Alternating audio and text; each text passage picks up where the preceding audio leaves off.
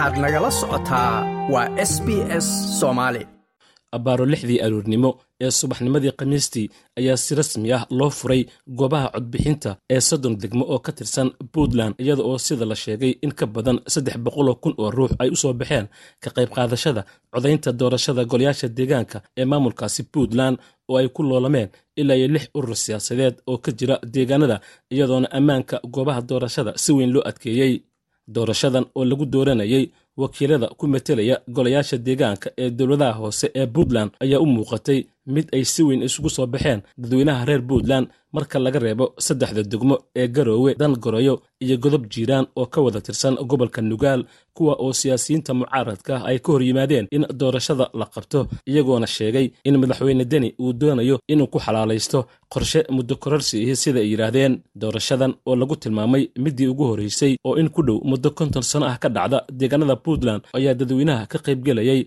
oo safaf dhaadheer iyagu u galay sidii ay u dooran lahaayeen xildhibaanada metelaya waxaana ku tartamayey sida uu sheegay guddiga doorashada ee tibek ilaa iyo lix urur siyaasadeed oo kale ah kaah mideeye sincad runcad mustaqbal iyo ururka efiye.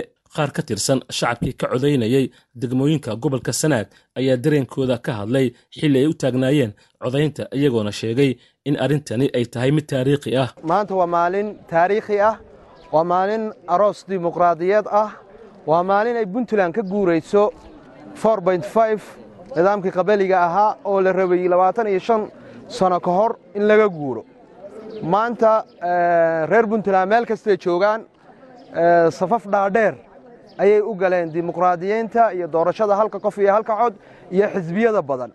Maanta waa maalin guul inoo wala ah shacabka reer puntland iyo dawladda iyo shacabka soomaaliyeed oo dhan. Waa maalintii ay reer puntland ay tusi lahaayeen soomaalida. Inta kale in uu shacabka soomaaliyeed uu rabo in doorasho hal qof iyo hal coda la aado. Dadka xukumaya inay iyagoo ay soo doortaan ay codeeyaan qofka ay rabaan ay ku codeeyaan qofkaas barnaamijkiisa siyaasadeed. Qof howlkar ah aqoonyahana khibrad leh siyaasadda wax badan ka fahansan dadkiisana matalaadda u qaadi kara wax u qaban kara. Waxaan soo dhowaynayaa doorashada qof iyo cod ah. Waana ku faxray oo ah dimuqraadiyadda ah. Waxaana ugu farxayaa waxaannu ka raysannay cuburintii waxaannu ka raysannay cagajuglayntii waxaannu ka raysannay qofkii aanu rabnay oo aanu waa'i jiray.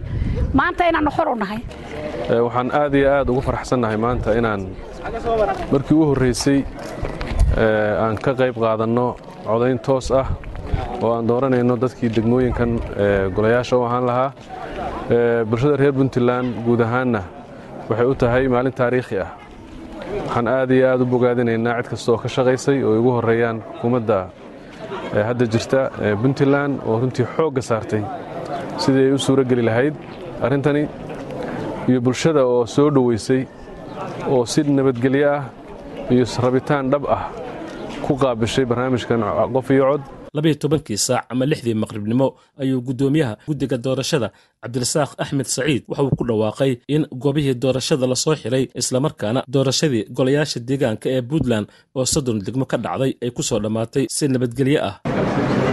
Maanta waxay ahayd maalin weyn oo taariikhi ah oo bulshada reer puntland soo martay taasoo ahayd maalintii doorashada qabashada doorashada golayaasha deegaanka ee mey saaka lixdii subaxnimo. Waxaa goobood oo ku kala yaal soddon degmo iyo toddoba gobol oo puntland looga dareeray. Doorasho qof iyo cod ah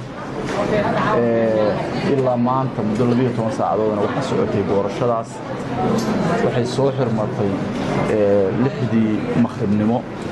Si nabadgelyo ah iyadoo aan wax amni darraa dhicin wax dhibaataa dhicin ayay soo xirmatay guud ahaan sida uu qabo xeerka doorashooyinka golayaasha deegaanka puntland.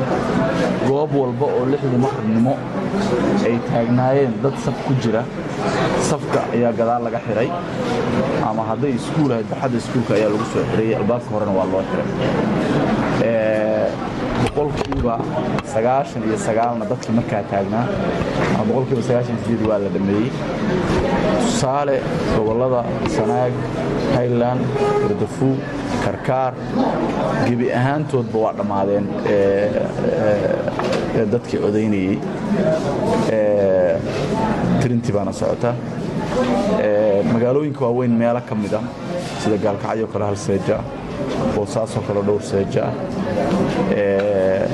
galdogob dhowr meelood oo noocaasa ayaa dadka gudaha lagu soo xereeyey burtinle ay jiraan seejo lixdii maqribnood dad safka taabanaa ay jireen oo gudaha lagu soo xereeyey kuwaasna marka qofka ugu dambeeya odaya intaa gudaha ku jirta ayaa la xidhaya sidaas waxaan rabnaa inaan si buuxda oo fashaala ugu dhawaaqno in doorashadii golayaasha deegaanka ee maanta dhacday ay dhammaatay si nabadgelyaana ku soo dhammaatay inkasta oo dowladda federaalk ee soomaaliya ay horey uga digtay in doorasho aan lagu midaysnayn ay ka dhacdo puntland ayaa haddana xukuumadda puntland ee uu hogaaminayo madaxweynaha maamulkaasi siciid cabdulaahi deni waxay ku guulaysteen qabashada doorashadaasi oo marka laga reebo saddex degmo ee ka tirsan gobolka nugaal. Inta kale ay doorashadu ka dhacday xaliimo ismaaciil xaliimo yarey waa guddoomiyaha guddiga doorashada madax bannaan ee soomaaliya waxaanay ka mid ahayd madaxdii korjoogtaynaysay doorashada golayaasha deegaanada ee puntland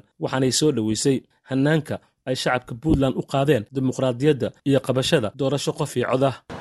Waxayna keenaysaa runtii waxay jebisay wax la jebin waayey in doorasho qof iyo coda laga qabto waddanka aaday u adkaatay markii loo sii dhowaadaba waxbaa hor istaagaayey laakiin ilaahay maanta suurogeliyey waxaana suurogeliyey marka ugu horraysa horta dadka soomaaliyeed ee reer puntland rabitaanka ay rabaan inay doorasho galaan oo codkooda dhiibtaan.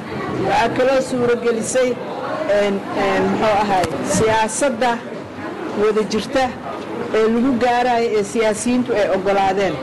Waxaa kaloo sii raacaysa oo sii xoojinaysa odayaasha islaamnada oo ayagana runtii kalkaalinayey oo muxuu ah ku kala dhex jiray dadka oo ka shaqeeyey inay suuro gasho ka shaqeeyey shacabka iyo madaxdooda inay isku xirnaadaan oo doorashadan la qabto.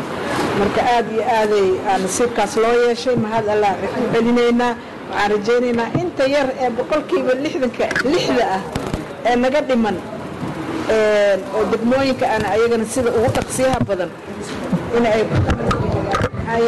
dadkoo dhan ah xaq u leh inay doorasho galaan oo codkooda dhiibtaan. Marka siyaasiyiinta waxaan rajaynaynaa ilaahay inuu khayrka waafajiyo waxa wanaagsan tusiyo qalbigooda isu keeno doorashadaasna ee waddanka puntland ka wada dhacdo waa dhacday muxuu ahaay haddiiba boqolkiiba wax yar keliya ay dhimantaha doorashada waa dhacday. Adduunka intaas oo waddan aan doorasho kor joogteen u tegey weli ma arkin ka qaybgal intaan la eg meel ay ka dhacday. Kuwa ugu badan boqolkiiba soddon iyo afar soddon iyo sagaal labaatan iyo toddobo labaatan iyo saddex ten outka ama dadka doorashada gelaya oo soo jawaabay ay noqdaan haddana waxaan u malaynaa sidaan soo arkay maanta markaan goobihii codbixinta tegey inay boqolkiiba siddeetan iyo sagaashan ay ku dhowaanayso dadka codka u soo istaagay. Meel ay ka dhacda ma laha waxaana waaye wax kale ma ah. Xiisaha ee ummaddan soomaali u qabto iyo oominta laga oomiyey inay codkooda dhiibtaan inay maanta xor u heleen. Taasaa keenta wallaahi inaysan dhicin ten outsaan dadka inay saa u soo baxaan ay codeeyaan kama dhicin adduunka kama dhicin. Marka allaha noo kordhiyo annakana allaha naga dhigo kuwii ku cibrad qaata waxna ka barta doorashadaasna qabta dhanka kale siyaasiyiin badan oo ay ku jiraan madaxweynihii hore ee soomaaliya maxamed cabdulaahi farmaajo iyo ra'iisul wasaarihiisii hore xasan cali khayre ayaa soo dhoweeyey qabashada doorashadaasi golayaasha deegaanka ee puntland iyagoona maamul goboleedka puntland ugu hambaliyeeyey tallaabadaasi ay qaadeen. Ma doonaysaa sheekooyinkan oo kale ka dhegayso apple podcast google podcast spotify ama meel kasta oo aad bodkastigaaga ka hesho